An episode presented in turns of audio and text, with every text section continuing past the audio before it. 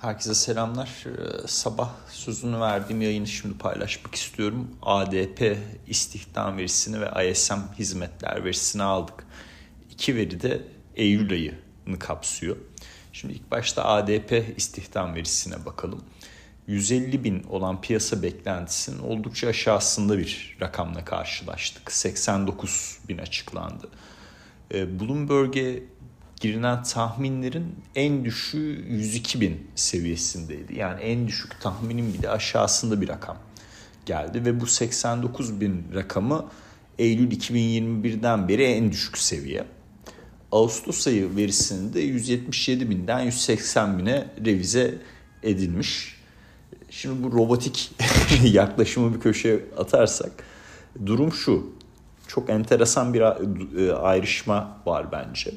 Dün e, JOLTS verisi işte açık iş pozisyonları verisinde Ağustos ayı kapsamında piyasa beklentilerinin oldukça üzerinde geldiğini görmüştük. İşte e, sabah da e, bunu e, paylaştım zaten. Buradaki o e, yani pozitif tarafta daha doğrusu pozitif de demeyeyim de beklentilerden olumlu yönde ayrışmanın en büyük e, nedeni işte böyle danışmanlık gibi işleri daha çok beyaz yaka işleri e, kapsayan iş hizmetleri kaleminin buna işte e, Professional and Business Services diye geçiyor bu, bu kalem. Bu kalemde 500 küsür binlik bir açık pozisyon oluşmasıydı. Yani yeni e, iş ilanı konulmuş gibi düşünün en basit çerçevede. Şimdi Ağustos ayında düşünün ki bir bu kalemde bu kadar büyük bir istihdam talebi var. Yeni pozisyonlar açılıyor. Ama Eylül ayında ADP verisinin ADP'nin istihdam verisine baktığımız zaman aynı kalem 32 bin istihdam kaybı yaşıyor. Şimdi bu bence büyük bir çelişki. Ee, yani yeni açık pozisyonların bu derece arttığı bir ay sonrası hani JOLTS verisi Ağustos ayını kapsıyordu. Bir ay sonra nasıl olur da aynı kalemde istihdam kaybı gerçekleşir? Ee, ya bana çok e, gerçekçi gelmiyor ve JOLTS verisi işte açık iş pozisyonları verisinde ben e, gelecek ay açıklanacak e, veride bu aya yani şey Ağustos ayına dair açıklanan veride aşağı yönlü bir revizyon olacağını düşünüyorum. Eylül ayı rakamını aldığımız e, zaman arkadaşlar. Şimdi bu ADP verisinin daha da detaylarına e, bakacak olursak bu 89 bine şöyle bir e, şirketlerin büyüklüğüne göre ayıralım. Yani çalışan sayısına göre küçük işletmeler işte bu 49 çalışana kadar olan 1 ila 49 çalışana kadar olan işletmeler.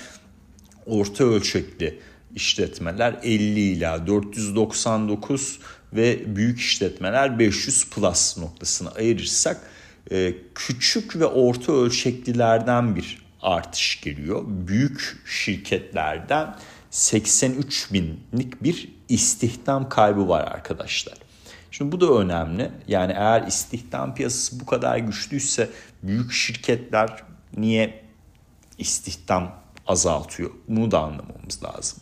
Diğer bir nokta maaş durumlarına baktığımda onu da hemen şuradan bir e, hızlıca aşalım.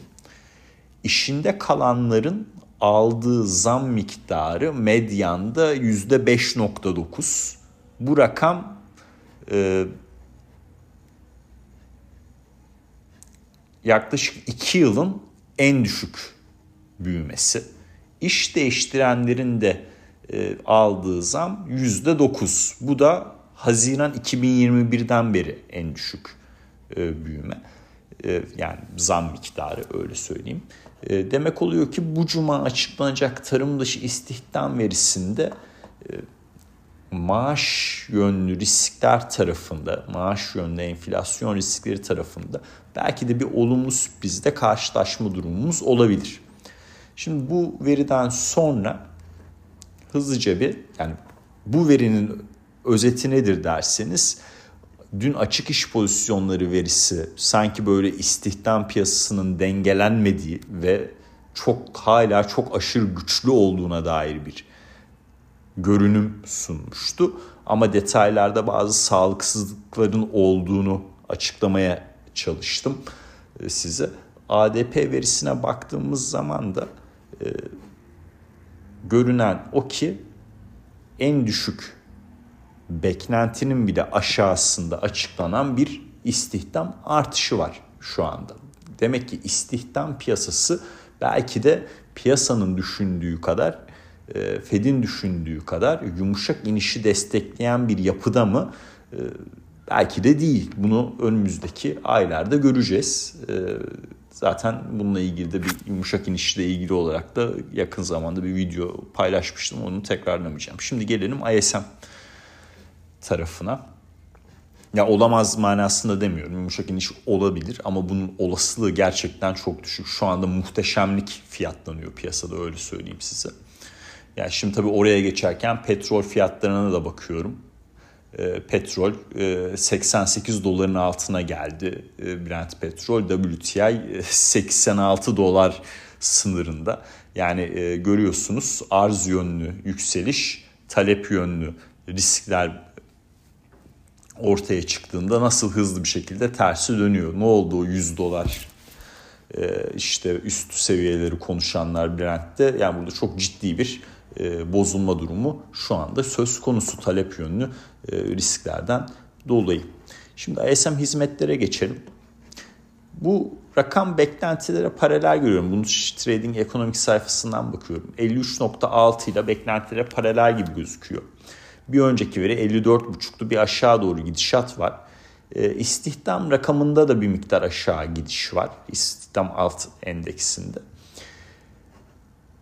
İş aktivitesinde bir miktar yükseliş olmuş ama yeni siparişler tarafı yani buradaki düşüş e, beni oldukça e, ilgilendirdi. E, şey ilgilendirdi ne Buradaki düşüş oldukça e, dikkatimi çekti. 57.5'tan 51.8'e gerileyen e, yeni siparişlerde bir durum var. Yani bu da tabii her ne kadar manşet iyi gibi gelse de detayda bu yeni siparişler nedeniyle oluşan bir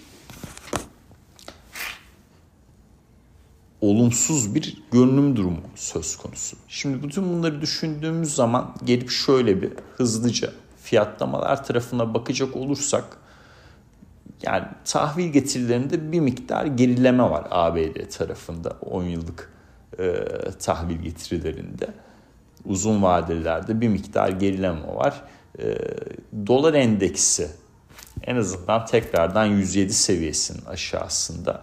E, Brent'i işte WTI'yi bir miktar konuştuk. Altın ve gümüş yani gümüşteki satış gene derinleşti.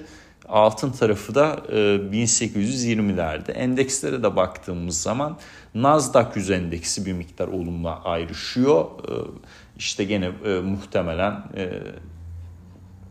bu ne derler ona yapay zeka bazlı hisselerin olumlu ayrışmasında.